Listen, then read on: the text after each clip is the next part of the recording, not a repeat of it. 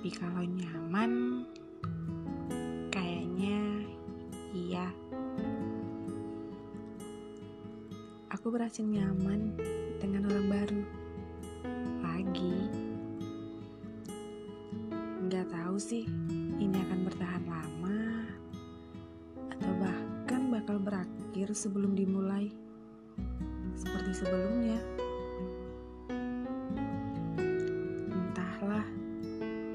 Aku juga nggak tahu bakal seperti apa ujungnya. Yang aku tahu,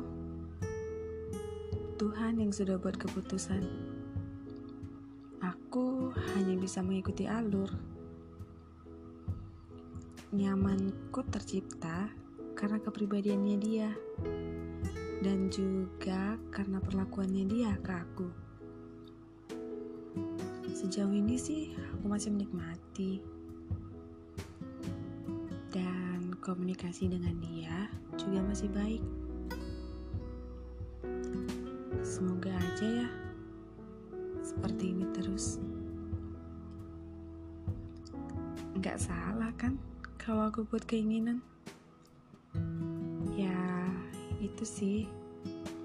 Semoga komunikasinya nggak cuma baik di awal. Kalau dia memang yang terbaik, bakal jalan aja sampai waktunya tiba. Tapi kalau memang bukan dia, ya sudah, aku bisa apa?